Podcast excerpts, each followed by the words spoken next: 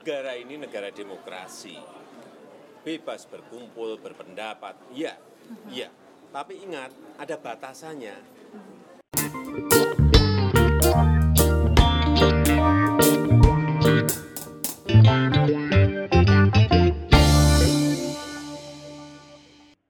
sekarang nih sosmed isinya orang-orang berantem orang-orang nyebar aib lah Iya iya. doxing kalau ada masalah dikit doxing semua tempat kerjanya dikasih tahu ke sosmed Iya. alamatnya tweet-tweet lamanya di di Dibongkar. ah, di up lagi Iya.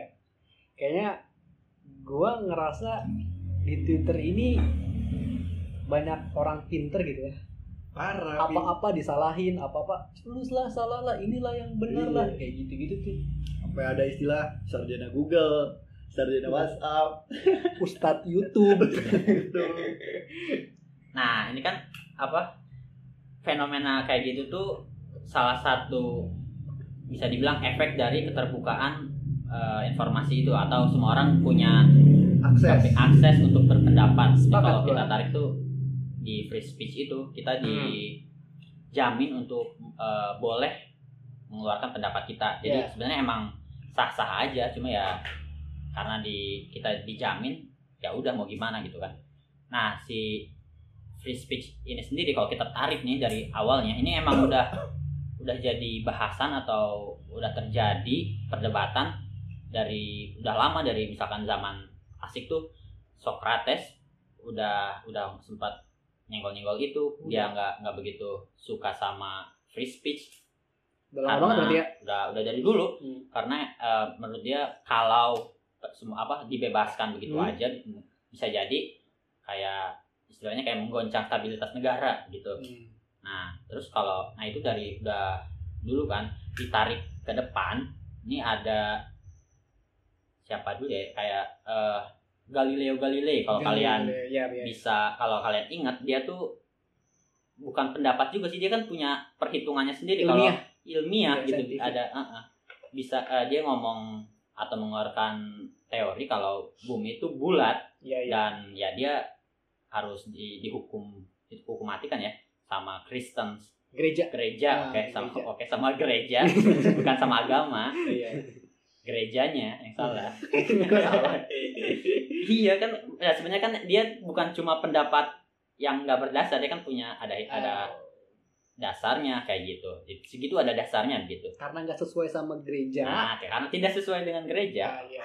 gitu nah dia dihukum nah, di- nah untuk kita eh, kalau kita tarik lagi ke depan mungkin ada eh, karena tadi sempat bahas Kristen nah eh, agama lain juga ada masalahnya sendiri. Misalkan di kalau kalian tahu atau ingat ada yang namanya eh, kasus Paris Attack. Nah itu masalah yang Charlie Hebdo namanya. Nah, jadi ada kayak kantor gitu atau seorang seniman bikin karikatur Muhammad, Muhammad. Nah, Oh iya iya. iya. Sampai ada penyerangan kan ber- Mhm. ber- berapa belas orang menikmati gitu kan Hmm. nah ini supaya seimbang aja gitu nggak nggak menyudutkan satu agama Hmm. masalah semua agama nah itu kalau agama emang mempermasalahkan itu ya Kalau di agama kalian kerupuk ada gak? oh, itu kepercayaan Oh. kita harus bisa membedakannya Iya. Cari aman banget. nah itu tadi maju mundur sedikit dia kalau di Amerika tuh Hmm. ada eh, perkembangan ininya ya dari negaranya tuh di bidang di sisi hukumnya free speech itu masuk ke amandemen pertama Bill of Right-nya Iya iya. amendment first amendment. Nah, di situ tuh yang dimasukin tuh salah satunya free speech, eh, freedom of pers, eh, kebebasan beragama sama berkumpul. Nah, Hmm. jadi empat itu ya. Empat. Nah, Hmm. kalau dimasukin ke konteks Indonesia, kita tuh kayaknya baru punya free speech itu secara hukum baru di 98 Reformasi. reformasi Iya. ketika kita reformasi hukum kita istilahnya dibedah gitu eh, hadir 98 atau 99 ya yang pokoknya yang eh, pasal 28 tuh kebebasan berpendapat. Oh, iya.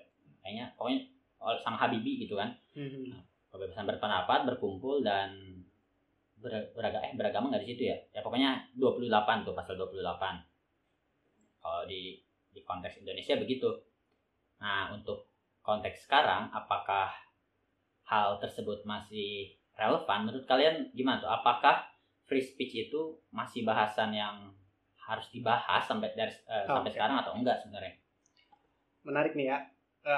gue pengen mulai mungkin dari sejarah di Indonesia dulu nih. Kayak tadi kan udah sedikit ngebahas ya terkait di Orde Baru gitu, di Orde Baru.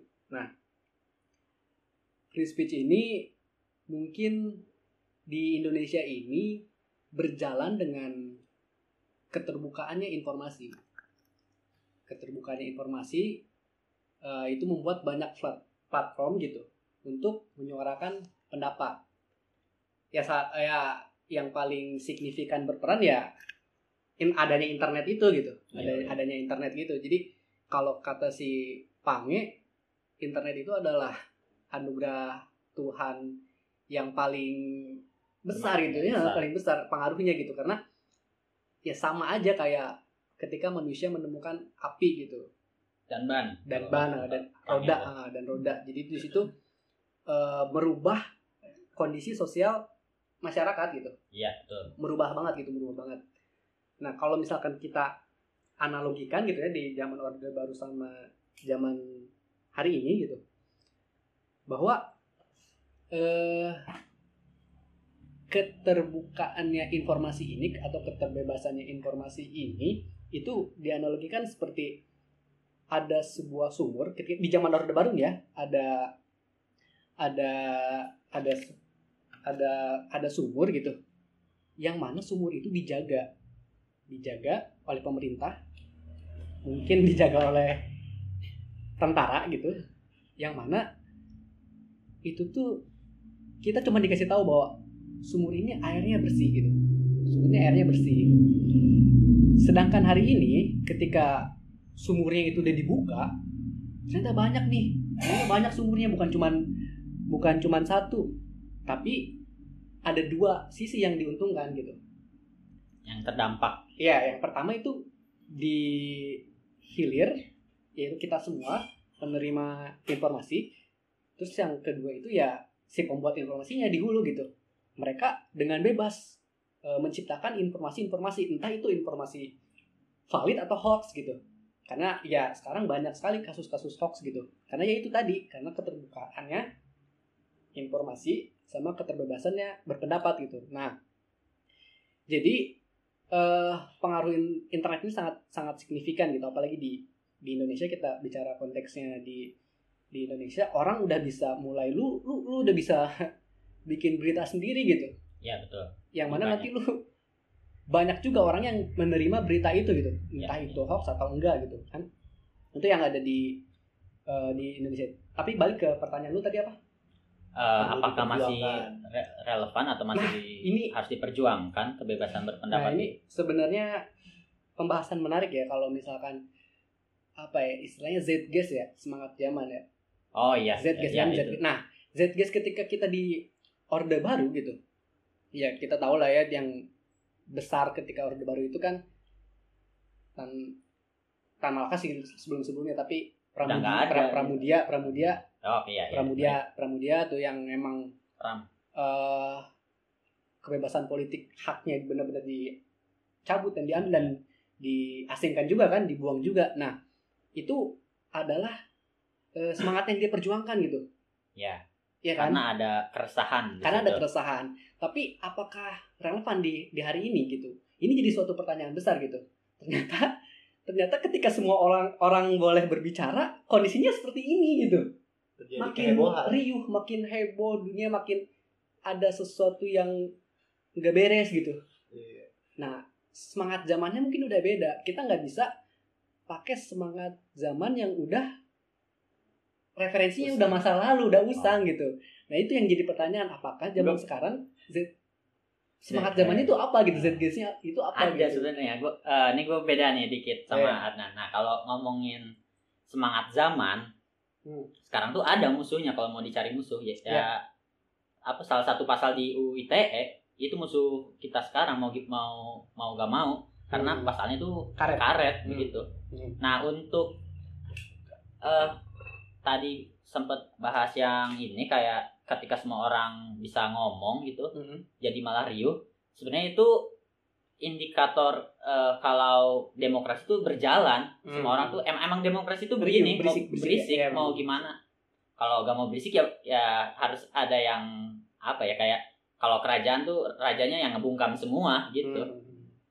yang terpilih aja yang boleh ngomong begitu ya nah kita milihnya demokrasi ini yang kita ini yang kita dapat Mhm. begitu Tapi kalau gue ya boleh curiga nih, sebenarnya nih kita dibuat seakan-akan memiliki kebebasan dalam berpendapat.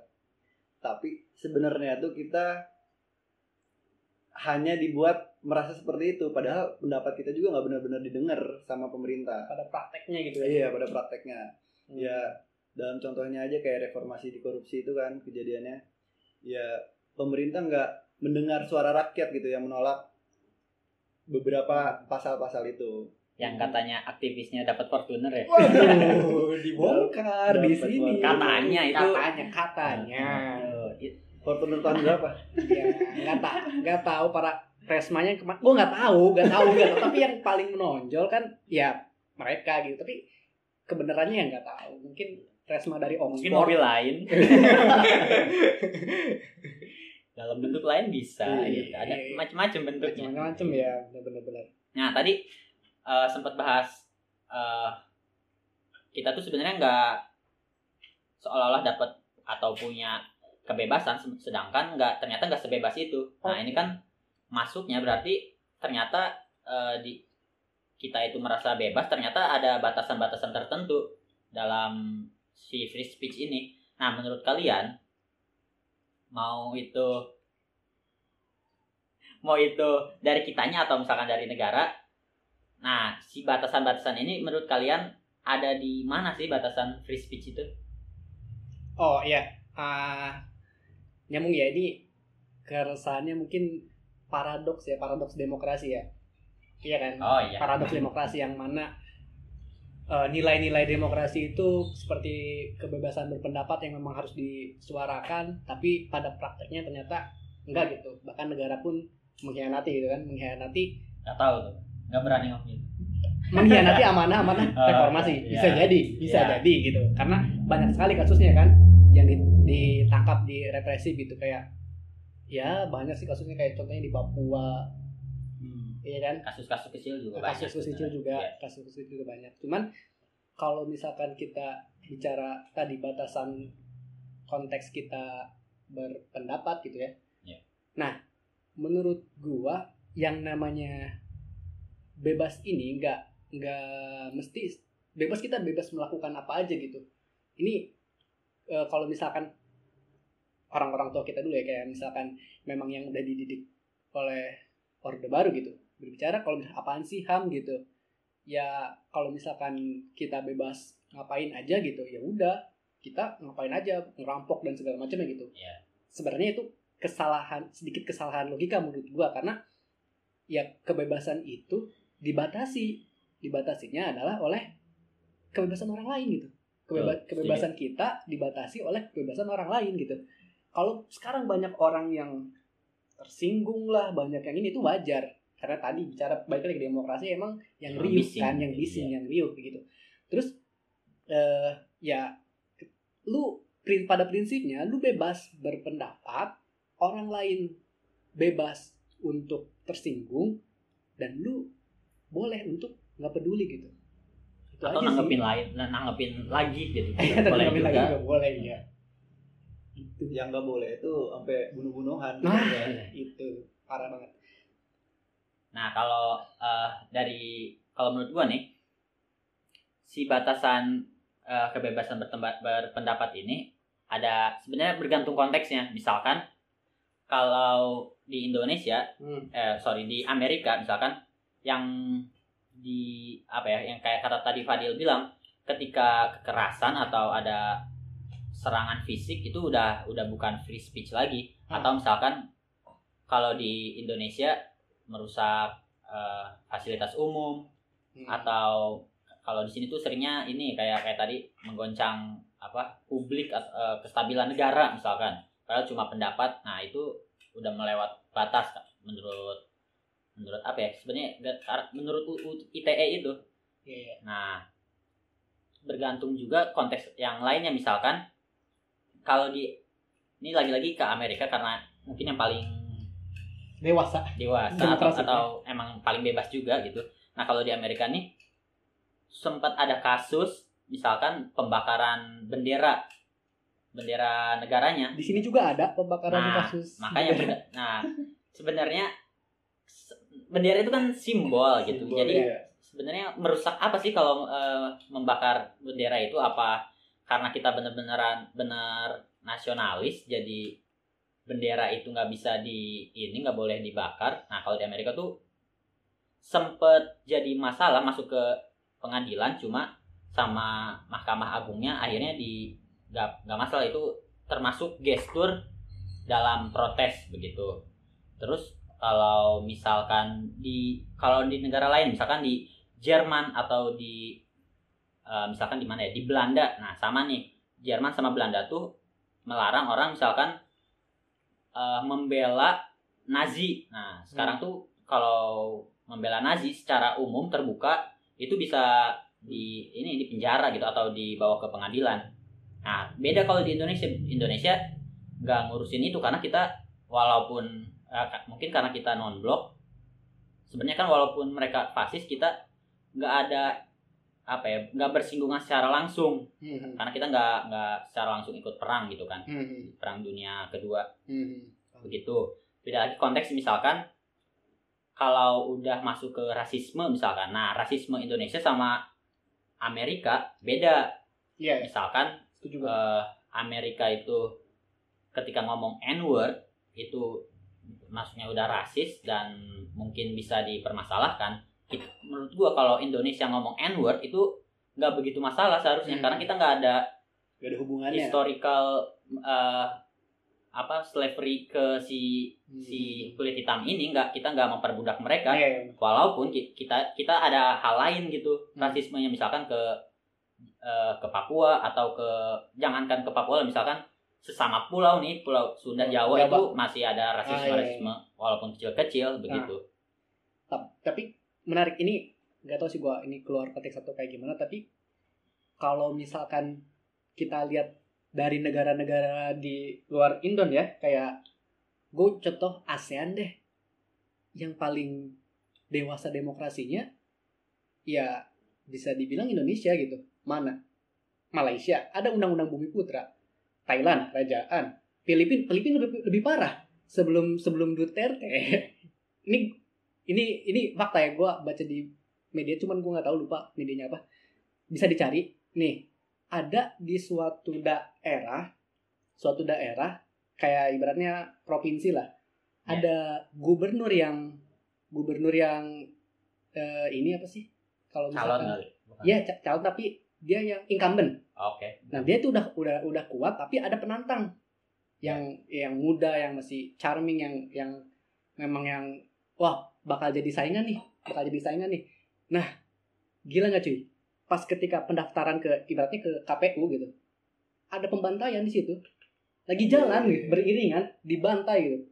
Menurut gua bisa jadi di 20 tahun reformasi ini kalau misalkan kita ngelihat negara-negara sekitar ya bisa jadi Indonesia yang dewasa juga gitu bisa jadi ya Timur Timur Timur Timur bisa gua eh, berdemo eh, indeks demokrasi mereka di atas kita secara indeks ya. Secara ini begitu.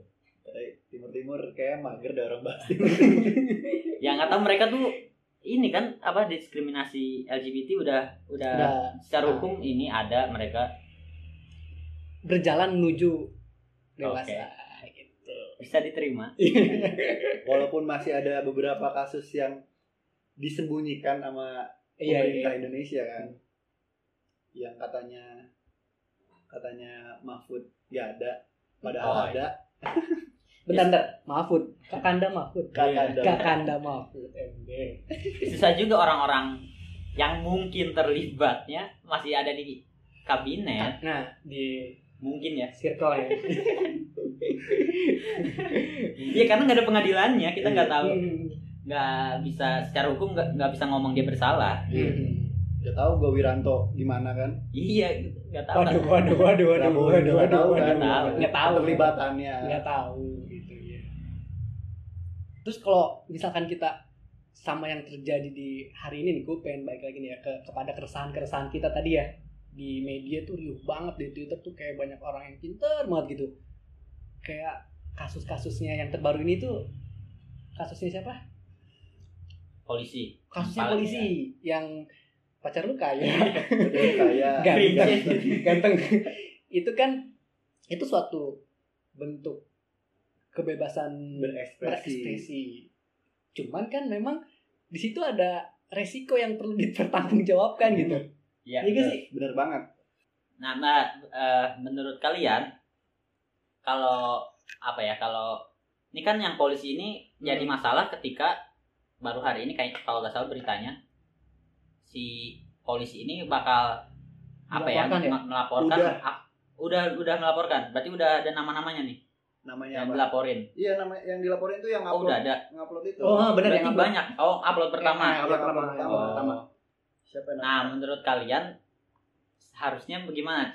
Kepolisian tuh apa pantas gitu melaporkan Nah. hal yang seperti karena pendapatnya setahu gua karena video si polisinya ini nggak pernah ada di sosmed. Jadi mungkin dari dia ngirim WhatsApp ke Hmm, temennya terus mungkin share share share share terus ada yang nge apa yang Nge-up, gitu ya. di sosmed. Yang jadi masalah itu justru Hmm. pendapatnya tuh apa menurut kalian apa pantas gitu da- dari kepolisian Hmm. kan biasanya polisi juga kan kayak gitu Hmm. yang ngelaporin. Hmm, hmm.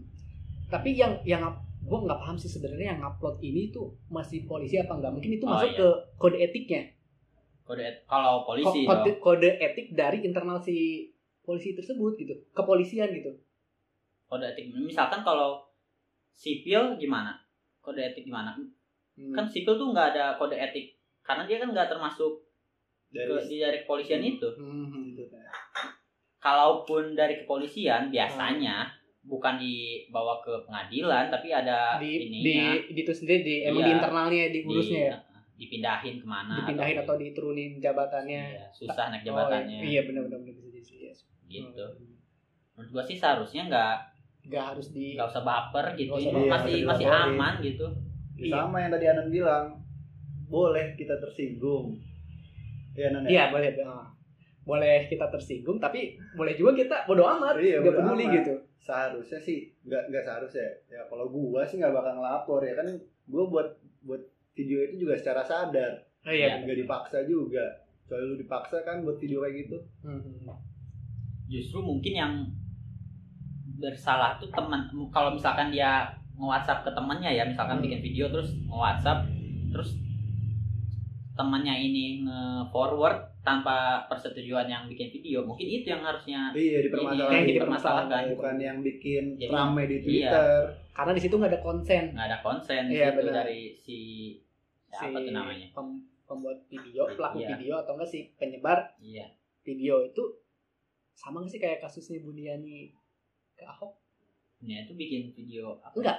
nge-up videonya Ahok. Oh oh ya dia dia ininya ya yang dibohongi itu kan? Iya yang, yang ya kasus sejenis berarti. sejenis kan? Iya, karena yang gitu. ini. Masih terus banyak juga tuh selain dari kasus si polisi terus ada juga kayak si yang baru-baru kemarin tuh si Jering.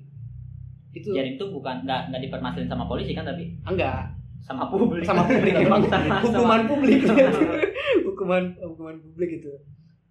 Sanksi sosial. Nah, sisa, ya betul. Sebenarnya lebih untuk kebebasan pendapat tuh lebih fair itu. Dari ah ya benar-benar. Sanksi sosial. daripada harus dikenain pasal karet kan Iya. Ah. kayak si Ferdian Paleka tuh kemarin tuh Ferdinand Paleka Ferdian. Ferdian. Ferdian. Ferdian Paleka Ferdian ya. Paleka itu itu udah itu tuh, tuh udah udah apa ya ibaratnya melecehkan sih kalau kalau kata gue jadi ya wajar aja ketika dia di bukan cuman dihukum secara hukum gitu tapi dia juga dihukum di sosial gitu atau Oh, iya. bahkan di dalam penjaranya Oh jadi setuju di penjara Iya, ada gini gini gini gua gua agak agak sedikit ini ya Eh gua kemarin nge, nge- ngeliat videonya si Is. Oke. Is kan 18 bulan di Ya. penjara. Jadi gini di dalam di dalam penjara di dalam penjara itu ada memang kasus-kasus ya sebenarnya kita nggak bisa naik juga ya banyak juga kasus perpeloncoan Hmm. bahkan di instansi negara di sekolah-sekolah instansi negara banyak banyak juga ya. kasus-kasus pelonco-pelonco pelonco-pelonco kayak gitu jadi bukan bukan gua nggak bukan gua setuju tapi itu tuh bukan hal yang aneh Jadi, Oh, iya, nah kan iya, itu iya, bukan hal yang aneh karena Dimengerti, bisa dimengerti kenapa terjadi. Iya, ka- karena kalau kata si Is, kalau misalkan lu masuk penjara, masuk penjara, terus dilihat kasus lu, kalau kasusnya maling, itu kayak ya udah hal narkoba, itu nggak bakal dijudge abis-abisan di dalam Iya, iya. sel. Tapi kalau udah kasus melecehkan, itu udah itu yang bakal bakal di ini. Karena si Is juga gitu, dia ketika teman dengan teman-temannya ya, dengan teman-temannya masuk, ya ketika waktu pas mau di, ditanyain dan diinterogasi gitu sama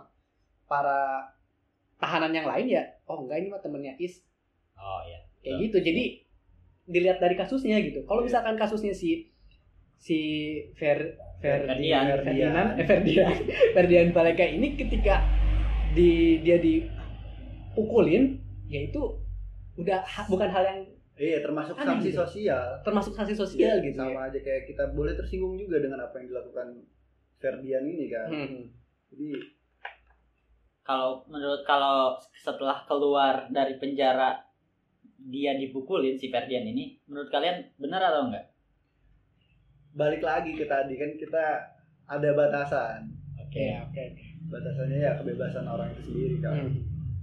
kalau dia ditolak misal dia ngelamar kerja terus yang pewawancara ini tahu masalah dia dia mau nolak ya itu boleh juga nggak ada masalah Oh ya itu Hmm. benar-benar kalau itu enggak ini kan, tapi kalau kerjaan itu bukan serangan fisik. Nah, yang gue bahasnya emang spesifik serangan fisik mau itu sebelum atau ketika di penjara atau pas udah keluar ketika ada yang mukulin karena masalah yang dulu. Hmm. Menurut kalian eh, sah atau enggak boleh apa enggak? Enggak sih menurut gua. Yang namanya kekerasan cuy. nggak iya gue Iya kan? iya nggak setuju lah tapi bisa dimengerti kenapa orang melakukan seperti Nah, itu sama kayak ketika di pas di penjara juga. iya sama aja Wajar kayak gitu, penjara. karena- cuman kita nggak ini ya nan ya kayak nggak Nggak membenarkan. nggak membenarkan itu Nah, juga ya, nggak mengaminkan lah itu. Mm-mm. Gue setuju dia dipukul gini karena Kenapa, kenapa, karena dia tuh kalau di ini ya kalau dilihat lagi di, di- dari di videonya juga dia kan bilang Iya. sa- eh, seharusnya apa eh, waria nggak ada di bulan Ramadan Iya. Tapi dia tuh benar benar-benar pertama ignorant terhadap apa ya hal, hal yang terjadi kenapa di situ misalkan waria tetap apa ya tetap Eh, buka jasa iya. gitu Beredar. Iya, Mas beredar. Nah, ya di situ dia ignoran. Kedua, dia bilang begitu tuh dia apa ya bibit-bibit fasis Hmm. dan fasis tuh di, dari sejarahnya juga nggak nggak beres dengan diskusi. berarti emang harus ada tindakan fisik nah. kalau menurut lo Bib Emang wa- wajar dan gue nggak masalah orang Hmm. ini orang mukulin dia. Bener-bener gak masalah pu- pukul ini karena dia juga setelah setelah kasus Iya. ini nggak kelihatan kayak nyesel juga nggak ada Iya, penyesalan nggak sama sekali Dan emang ini dilakukan secara sadar ya. secara sadar Secara pastinya sadar. dia dia ngerek dia merencanakan ngerekam, Dia ngerekam, ngedit, ngedit ngupload, dan apa menurut gua emang dia tuh emang gak sih dia itu? dia emang Hmm. yang dia cari tuh emang kerusuhan si Hmm. dia pengen kayak lihat Iya. apa kayak video-video lainnya tuh kayak apa ya kayak main-main di batas sosial ini. Yang dia cari emang emang apa ya Orang-orang yang kayak tersinggung. orang-orang tersinggung Hmm. dia emang pengen nyari itu Intensi, kita- intensinya. intensinya menurut gua itu kasih makan aja itu Hmm. ya iya emang begitu Iya, dia butuh ya. Bu- emang iya butuh serangan. Jadi buat orang-orang yang nanti ketemu Ferdian. Kalau dari pendapatnya Habib silahkan diserang. Serang aja gitu. Gebukin aja. Nah, Suruh siapa gue dibunuh? Habib ya. kekerasan tuh emang menyelesaikan masalah Beberapa masalah. beberapa masalah Nyelesain masalah matematika mau pakai kekerasan ya. pukulin Pasis yang baik, pasis yang baik, pasis yang yang Mati. mati, Yang mati. iya benar nggak ada tempat fasis di dunia Iya, iya. mungkin ya ya didasari dengan pendapat yang liberal juga gitu. Kan liberal nggak kayak gitu kan? Eh Eh, ya gue sih bukan nggak nggak menamakan diri liberal. Oh iya, iya. sama sekali nggak nggak tidak ada liberal tuh. Itu yang membebaskan sebebas-bebasnya itu kan yang orang-orang liberal Iya, justru. iya. Tapi yang harusnya diusut dari permasalahan si Ferdian ini, kenapa napi di penjara ini bebas melakukan hal itu? ya sebenarnya Iya, nggak apa konteks videonya itu apalagi istirahat atau di misalkan kita kan nggak bisa lihat ya apa polisi di situ di sekitar ada atau misalkan itu kan malam atau pokoknya gelap lah apa polisinya misalkan lagi tidur atau gimana kita gua sih nggak bisa ngejudge dari video itu gimana keadaannya Tapi Seng- ya, eh, seenggaknya tapi kenapa eh, si si siapa napi ini Hmm. pertama tahu tren. Dan dan bisa videoin Oh, Iya, ini iya. gini. Kalau di di dalam videonya di situ ternyata di setiap di setiap jadi setiap napi itu ada kayak apa ya? Dia ada di hari tertentu kayak bukan keluar sih, masih di dalam area sekitar, tapi kayak berbuat kegiatan gitu. dan itu bikin mereka tahu tren sekitar Ada TV. oh oh Be- oke. jadi Oh, iya, orang-orang dan bahkan menyelundupkan HP itu udah ya gue nggak tahu udah sering banget katanya gitu. Ba- Bagi orang-orang yang, Iya. di- yang udah di penjara itu eh, pendapatan. Nah, ini menarik sih kayak pol- ini kritik gua terhadap polisi ya bukan berarti gua benci polisi tapi Lah. setiap wewenang wewenang yang kita kasih ya Iya. setiap wewenang yang kita kasih dia nggak bisa ngurusnya kayak ngurus sel penjara aja nggak bisa gitu Iya.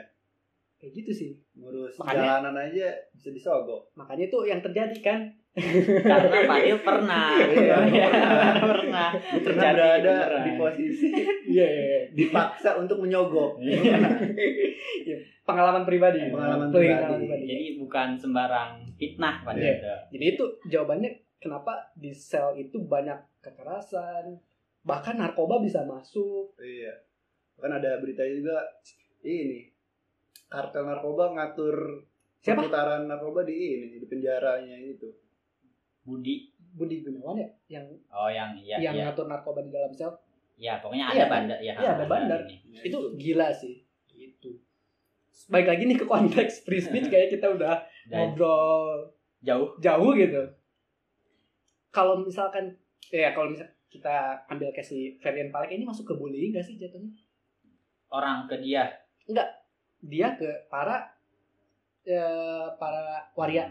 Eh, ad- lebih dari itu sebenarnya tapi Hmm. kayak apa ya kayak dia tuh pertama ya itu tadi berangkatnya dari dari fas, bibit-bibit fasis tuh ada di dia Iya. jadi ya mau gimana dia juga pasti nge mengamini bullying itu dia nggak masalah sebenarnya pasti Hmm. orang dia anggap dia itu benar benar lebih dari bullying itu tuh Hmm.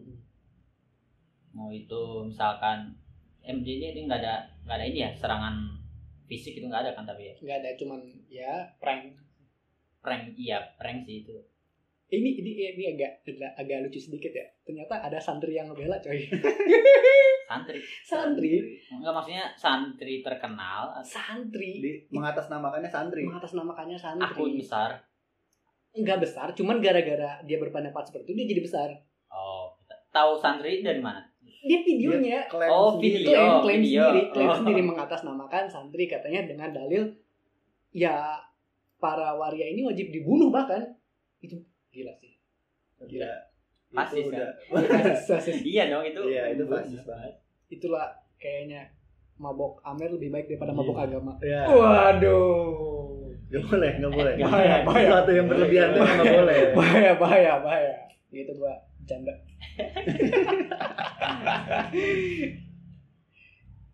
terus ya kalau misalkan kita lanjutkan ke di diskusi tentang free speech ini gitu ya banyak terjadi yang paradoks demokrasi yang udah tadi kita bahas kayak kasus-kasusnya Dandi Laksono Dan Iya nggak sih? Iya. si Dandi Laksono terus salam ngazi Enggak dia yang mengkritik Megawati. oh iya Yang, oh, yang yang nah, ya kan dia kan kena kasus kan. emak banteng ya apa Eh bukan yang dia tuh disamakan dengan eh pemimpin mana? Aduh, gua lupa dah. jadi dibandingin gitu dibandingin dan memang iya ah, dibandingin gitu ngebandingin dan dengan- si banyak yang nggak terima oke uh, dari kader-kader partai Banteng ini. Nah, si Dandi ini ya tul ya dia berpendapat tulisan bahas dengan tulisan, tulisan gua Ah. fakta gitu. At- walaupun sebenarnya kalaupun pendapat isinya Hmm. ya seharusnya balas dengan ya dengan tulisan lagi misalnya Iya. gitu Itu ditantang sama Dandi tapi ternyata ya negara menghiraukan itu gitu. Oh. Ini kalau misalkan contoh kasus kecilnya gitu ya. Ini ini juga rame nih dia Bib Apa yang namanya? dilakukan oleh oknum-oknum anak-anak HMI gitu anak-anak HMI. di Jakarta di Jakarta Selatan. teman-teman Adnan Kanda Enggak sih, kan kalau temen kayaknya butuh dua orang yang konsen gitu. Oke. Ini kan enggak gitu. Adnan nggak mengakui ada keterikatan. ya, jadi waktu itu di Jakarta Selatan ada kasus yang mana ada pers, eh, lembaga pers gitu ya, memberitakan bahwa si kader-kader HMI ini sepakat dengan Omnibus Law. oke di situ dia ngasih kayak ngasih data dan segala macamnya gitu. Nah, eh itu nggak tahu nggak tahu ya diajak ngopi atau gimana. Tapi mereka itu ketemuan kayak untuk menyelesaikan masalah, tapi dengan cara kekerasan, Bin. oke Dengan cara kekerasan yang mana itu sama aja kayak kasus Dandi katanya kata si yang menulis itu ya tulisan dibahas dengan tulisan, tapi tulisan dibalas dengan kekerasan pukulan, gitu pukulan ya. eh, dengan pukulan gitu itu yang sebenarnya menjadi menjadi keresahan gitu.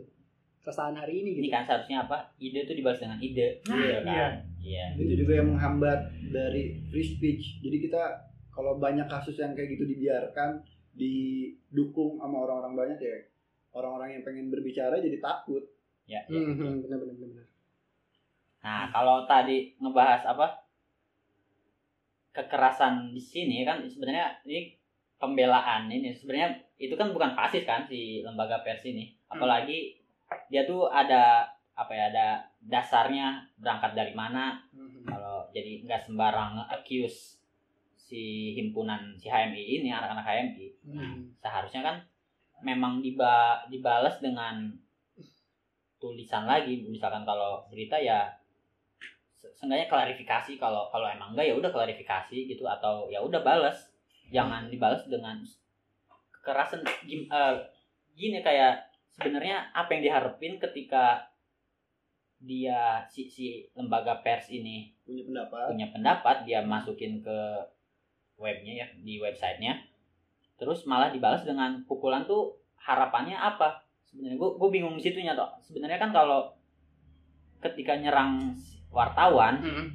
dia tuh juga punya masih punya senjata yang sama untuk ngasih tahu kalau dia dipukulin iya megang senjata yang sama juga dia bisa nyebarin juga punya punya platform juga di situ kan Hmm. websitenya Kayaknya perlu ya ada pendidikan demokrasi. Lah seharusnya kan emang di apa ya organisasi organisasi ya termasuk Iya, yang- organisasi. organisasi yang besar ini harusnya udah ada itu Harusnya udah udah ada. Ada atau enggak? Udah. Ya sebenarnya bisa kita cross check langsung ya. Iya. Sebenarnya ada sebenarnya secara tidak iya sebenarnya. Cuman kesadaran pengetahuan nggak nggak bisa menggerakkan kesadaran juga sih kayak ya tapi da- eh, berangkatnya dari situ dong. Berangkatnya dari Iya. situ. Berangkatnya dari situ. Itu Jadi kalau ngomongin free speech ini ya gue penasaran. Eh, apakah orang-orang yang di Papua ini nih Hmm. yang menyuarakan ingin Papua merdeka ini bagian dari free speech apa enggak? Kalau menurut kalian? kalau soal Papua sebenarnya kan mereka tuh mereka juga nggak sembarang nggak sembarang ngomong mbak mau pisah gitu kan mereka seenggaknya eh, punya dasar kenapa mereka minta pak yang ini ya yang jauh yang permintaan jauhnya itu pisah gitu supaya bener lah gitu di, Referendum. di- ya referendum nah perlu catatan juga mereka tuh nggak minta pisah tapi minta diadakan referendum jadi menentukan nasib sendiri mereka tuh Hmm. kalau misalkan hasilnya mereka lebih banyak yang ininya yang tetapnya ya udah tetap sebenarnya gitu Tapi ya referendumnya juga harus dilaksanakan dengan jujur ya, dan adil. jujur dan adil sebenarnya kan begitu nah mereka ini enggak apakah free speech seharusnya ini yang dijamin oleh si pasal 28 ini. Begitu walaupun misalkan ada pembelaan presiden juga punya mandat untuk eh, mempertahankan negara misalkan Hmm. tapi kan ya, yang Papua pengen tuh bukan pisah dulu ya udah diobrolin Iya, iya, dulu iya. aja fair-fairan Fair-fairan ya, gitu. ya benar-benar. kalaupun bisa damai tapi tetap satu negara ya menurut gua Hmm. fair bener-bener fair kalau kalau emang dibuka gitu Ya, lagian undang-undang kita juga kan ngobrol, ngomong ya kalau misalkan kemerdekaan adalah hak segala bangsa gitu. ya Jadi betul. menurut gua sah-sah aja ketika orang Papua ini menyuarakan untuk referendum gitu. Karena memang dasar hukumnya juga udah ada gitu. Jadi tahanan politik nih seharusnya nggak ditahan ya. Ya, ya, ya emang apa yang tadi itu ketika kita punya ide kita tuh bebas untuk eh, menyuarakannya nggak menyuarakannya iya. kayak oh kita punya ide nih punya pandangan Hmm. menyuarakannya wal se apa ya se jelek apa pun mau itu jelek mau itu bagus harusnya itu dijamin sama konstitusi kan Konstitusi ya. Nah, tahanan politik ini kan ya misalkan kalau tahanan politik dia ini si tahanan politik ini penjara gara-gara apa? Ya gara-gara itu dia mengusahakan Papua merdeka. Biasanya makar sih. Nah, Hmm. nah, Biasanya kasus makar. gimana ya sebenarnya kan kalau kalau si pendapatnya doang kayaknya nggak pasti dibikin case dia itu bukan sedang eh, menyuarakan pendapat tapi misalkan eh, ternyata omongannya nggak begitu akurat Hmm. itu yang dipermasalahkan atau misalkan omongannya bikin apa publik Iya ya. apa bikin publik naik gitu emosinya di situ diserangnya begitu seharusnya sih nggak kalau cuma mengeluarkan pendapat sih nggak masalah seharusnya Negara banyak celahnya ya ternyata ya. ya memang hukum kita masih banyak celahnya Iya benar-benar. masih harus banyak yang diperbaiki ya. Hmm. Jadi kayak misal aksi-aksi orang Papua yang eh, merayakan kemerdekaannya itu 1 Desember. 1 Desember itu yang diboborin polisi itu berarti polisi sendiri membatasi kita untuk free speech dong. Iya gak? Apa ya eh, apa? Sebenarnya ya kalau agak mentok sih paling ada ada bertabrakannya dengan itu. Kalau kita kalau in- polisi atau pemerintah nggak nggak apa ya tidak membatasi itu bisa jadi dianggap eh, menganggap kalau negara si negara Papua ini Hmm. beneran eksis. Mungkin pembelaan dari negaranya begitu tapi kalau dari gue sendiri seharusnya nggak nggak ya tadi sih solusi kalau mau diberesin tuh beresin wacananya jangan Jangan, didiemin ya. misalkan kayak Skotlandia ya, si apa tuh James James Morrison ya Skotlandia referendum kan? referendum, Referendum, mereka ya. minta referendum ke UK Hmm. supaya keluar dari UK dikasih supaya wacananya beres supaya Hmm. kal kalaupun iya Iya gak? si siapa prime ministernya itu Hmm. ngeiyain supaya nih kalau kalau emang lu banyak yang dukung ya udah buktiin gitu tapi kalau kalau gue yang menang ya udah diem lu dan akhirnya kalah kan si Kalah. Skotlandia begitu Jadi kalau mau begitu ah, memang pada nyatanya boro-boro buat ke arah situ untuk ketika dia merayakan sesuatu aja itu langsung udah dikat abis-abisan gitu Iya itu udah. iya kan melalui aparat kan Iya.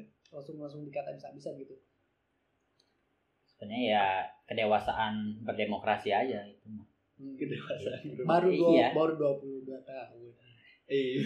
22 tahun. Amerika perlu beberapa tahun baru lulus kuliah Sabar kok. Kayaknya gue sabar sih nungguin Indonesia nih lebih dewasa dalam berdemokrasinya. eh ngomong-ngomong Obama 2000 berapa sih presiden 2008 2008an ya 2008an dia berarti Amerika tuh perlu berapa tahun tuh untuk mendapatkan pemimpin kulit hitam sebenarnya dari dari dia punya kebebasan berpendapat ke ngebebasin apa budak juga jauh kan gitu Iya, sebenarnya. iya, iya.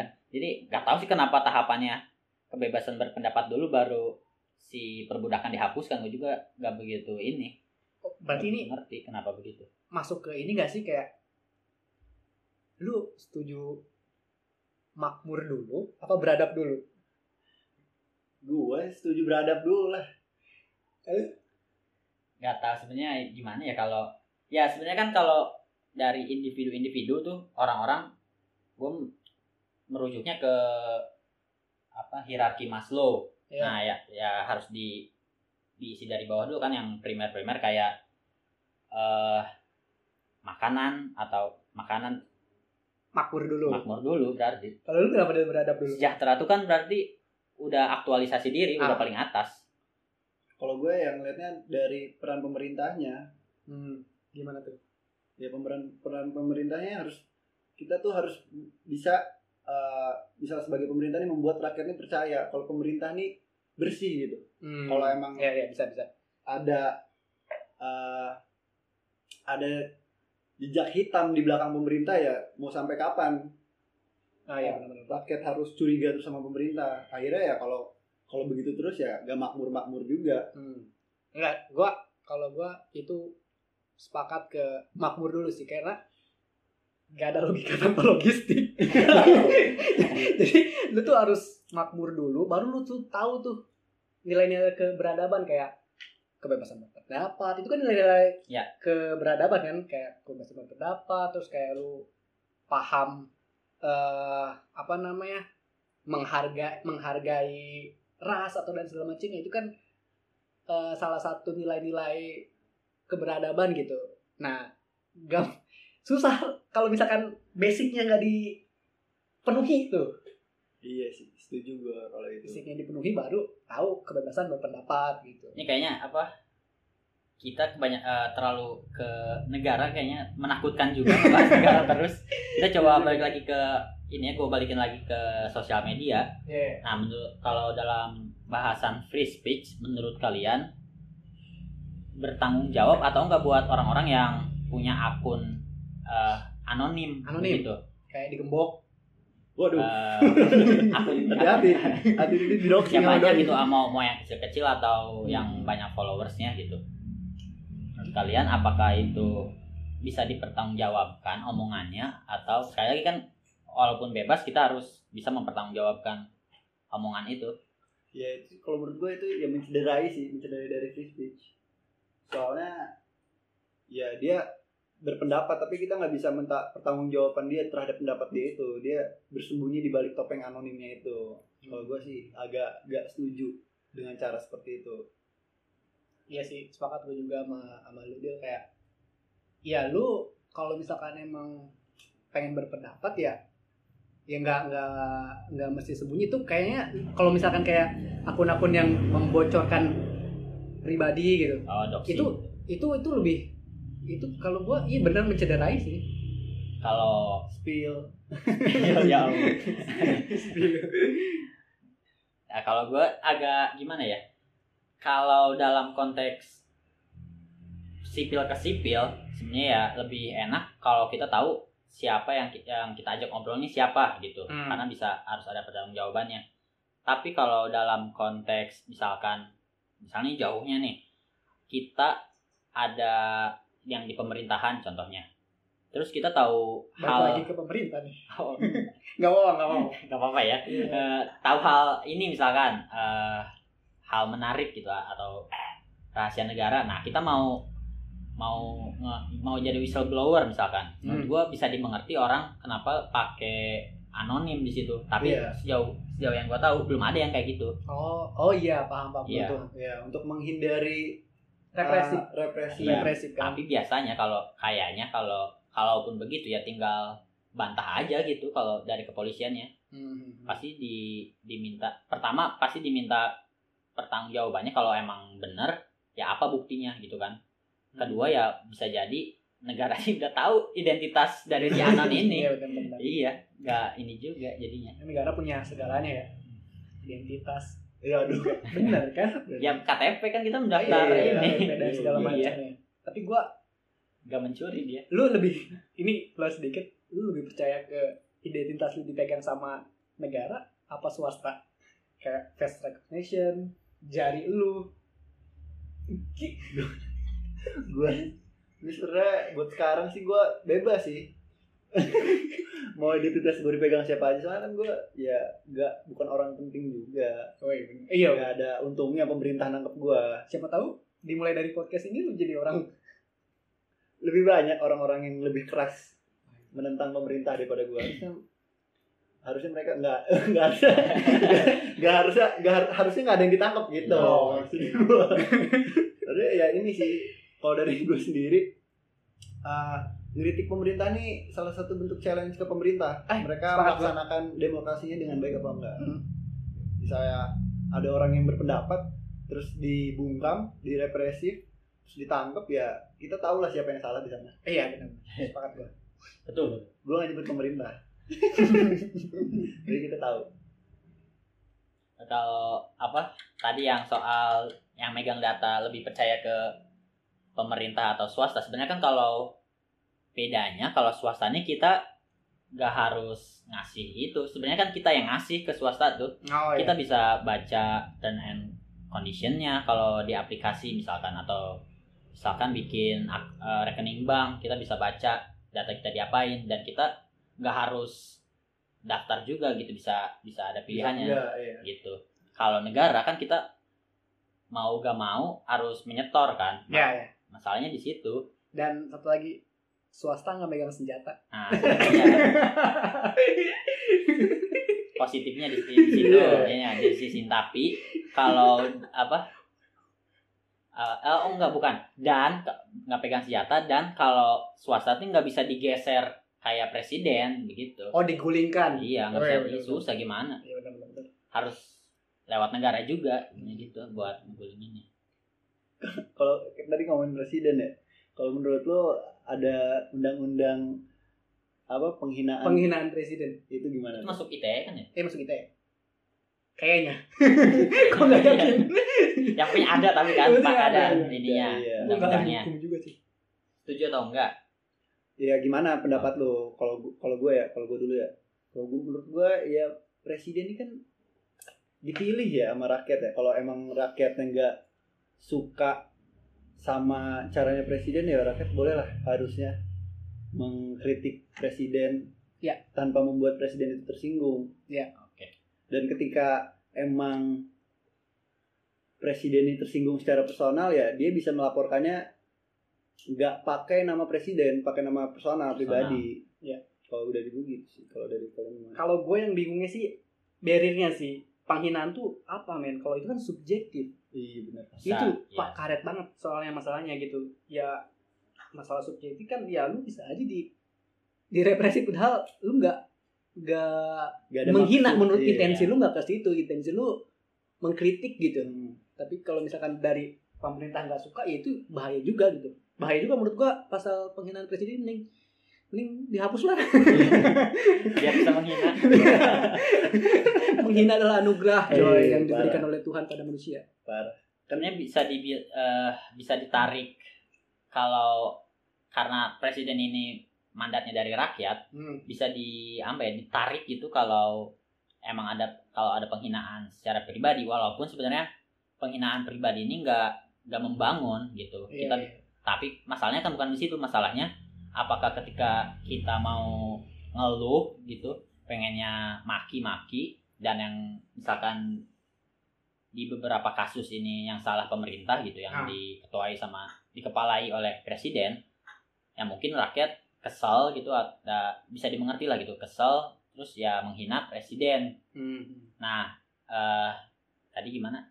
Nah, si presiden ini bisa ditarik kalau si rakyat ini ya udah at- turun sengaja tu- eh, turun kepercayaan publik Turun kepercayaan publik, ya. terhadap presiden. Presiden. Soalnya bisa tarik ke situ. Jadi iya. sebenarnya nggak begitu, nggak selalu orang pengen ini nggak nggak selalu pengen ngerusuh juga. Hmm. Kadang ya karena nggak percaya dan sebagai kontrol juga sih ya Iya Hmm. betul. Jadi nggak nggak nggak semua orang bisa bikin pendapat yang baik, hmm. membangun pendapat yang baik. Dasarnya gimana? Ya susah. Gimana lagi? tapi ya dari yang gue tahu juga kan walaupun presiden ini banyak yang hina kan ya pasti ada aja buzzer-buzzer yang belain bela gitu ya Iya. Buzzer nih kalau gue lihat lama kelamaan nih udah udah kayak ini ya. Udah kayak hama gitu. hmm. Merusak. Harus dibasmi. Pakai pestisida. Iya kan ada hama baik ada hama buruk.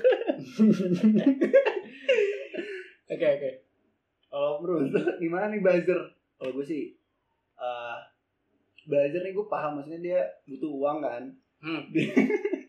itu uang buat hidup. Menyentuh Dia- sisi manusiawi. Iya.